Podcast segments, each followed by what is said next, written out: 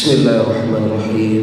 السلام عليكم ورحمة الله وبركاته. الحمد لله رب العالمين. الصلاة والسلام على رسول الأمين وعلى آله وأصحابه أجمعين. أشهد أن لا إله إلا الله وأشهد أن محمد رسول الله. رضيت بالله ربا وبالإسلام دينا وبمحمد نبيا ورسولا. سبحانك لا علم لنا إلا ما علمتنا. إنك أنت العليم الحكيم. لا حول ولا قوة إلا بالله العلي العظيم. إخوة الإيمان جماعة صلاة subuh yang insya Allah mudah-mudahan kita semua senantiasa dirahmati oleh Allah Subhanahu wa taala. Kalau kemarin malam atau kemarin subuh selesai sholat saya keluar masjid kemudian di depan di lapangan banyak anak-anak kita bermain petasan. Petasannya adalah petasan luncur.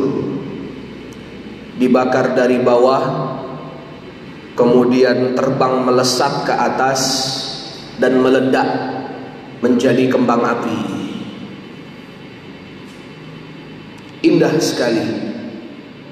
Ada asapnya, anak-anak tertawa berlari ke sana kemari. Membakar lagi, terbang lagi, meledak lagi, terus begitu. Pemandangan yang berbeda terjadi di Gaza. Di Palestina ratusan rudal tempur dilontarkan dari bawah dan dari atas bukan meledak di atas tapi meledak di bawah. Jatuh di rumah-rumah kaum muslimin di bumi Gaza Palestina. Belasan puluhan ratusan orang mengalami ketakutan yang luar biasa berlari menyelamatkan diri dan keluarga mereka dari reruntuhan bangunan akibat runtuh tertimpa rudal yang jatuh di rumah-rumah mereka. Jika malam-malam kita dihiasi dengan kesejukan, kedamaian, ketentraman, nyenyak tidur kita malam tadi dan bisa kita bangun di pagi hari ini untuk tegak subuh berjamaah bagi hambanya yang beriman bukan semata-mata mereka ingin bangun. Tapi mereka bangun karena panggilan Allah. Mereka datang ke rumahnya bergelap-gelap berdingin-dingin bahkan Nabi Shallallahu Alaihi Wasallam menyatakan sampai harus mereka merangkak ke masjid. Saking agungnya waktu subuh. Kita penuhi soft-soft kita dan bersyukur sekali kita kepada Allah. Masjid Al-Muhajirin ini sampai penuh di belakang ketika tegak subuh berjamaah. Tidak ada desing peluru hantaman rudal yang membuat kita ketakutan Bahkan masjid kita tegak berdiri di tengah masjid-masjid di Gaza hancur dulu lantak akibat rudal-rudal yang ditembakkan oleh Zionis. Apakah mereka tidak bisa berjamaah? Tidak. Mereka tetap bisa berjamaah di atas puing-puing reruntuhan masjid mereka. Mereka boleh menghancurkan masjid-masjid kami tapi mereka tidak bisa menghancurkan jamaah-jamaah kami. Mereka boleh menghancurkan menara-menara masjid kami. Tapi mereka tidak bisa menghancurkan kumandang azan dan seruan jihad panggilan jihad yang berkumandang di dada-dada kaum muslimin. Mereka boleh menghancurkan rumah-rumah kami, tapi mereka tidak bisa menghancurkan bumi Allah, tempat kami bersimpuh sujud mengadukan keluh kesah masalah kami.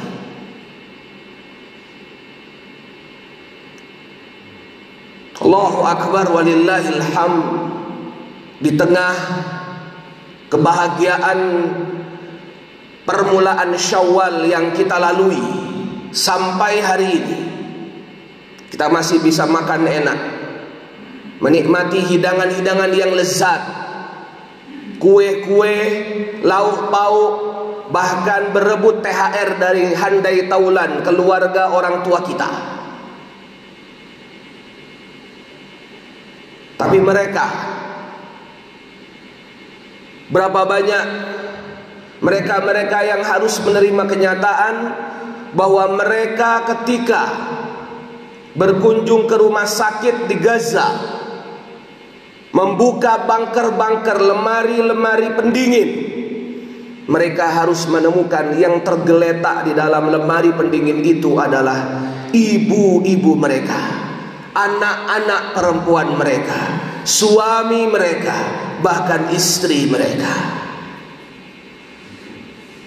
kita pulang ke rumah nanti masih bertemu dengan istri kita. Masih berjumpa dengan anak-anak kita. Tapi mereka banyak yang harus kehilangan sanak keluarga mereka hanya dalam hitungan malam, bahkan hanya dalam hitungan jam. Di tengah air mata yang terus mengalir, segurat senyum tak pernah lepas dari wajah-wajah mereka baik mereka yang berhadapan dengan Zionis maupun yang mereka melihat kenyataan pahit rumah, sekolah, masjid, tempat tinggal mereka rata dengan tanah. Bagaimana mungkin segurat senyum masih bisa mereka sunggingkan di hadapan kamera dan di hadapan dunia? Dalam kondisi mencekam, dalam kondisi memprihatinkan, dalam kondisi menyedihkan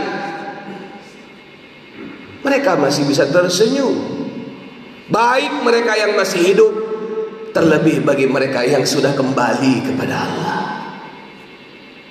Yang masih hidup seakan-akan memberi pesan kepada dunia bahwa yang kalian lakukan sia-sia.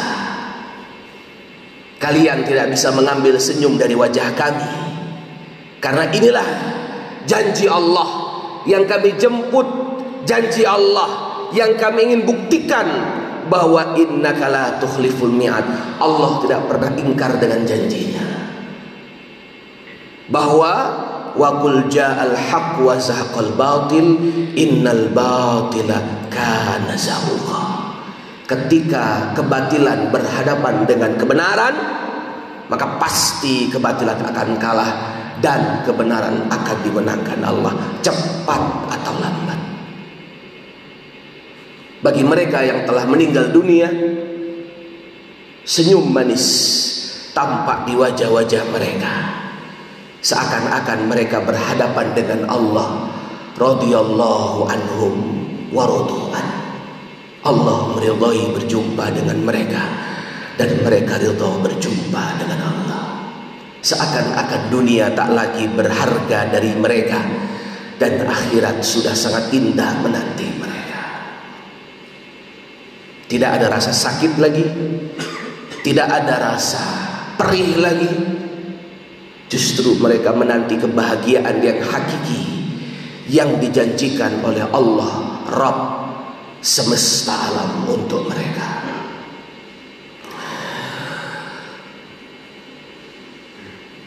Jangan pernah menyia-nyiakan sedikit pun kebaikan kita di hadapan Allah.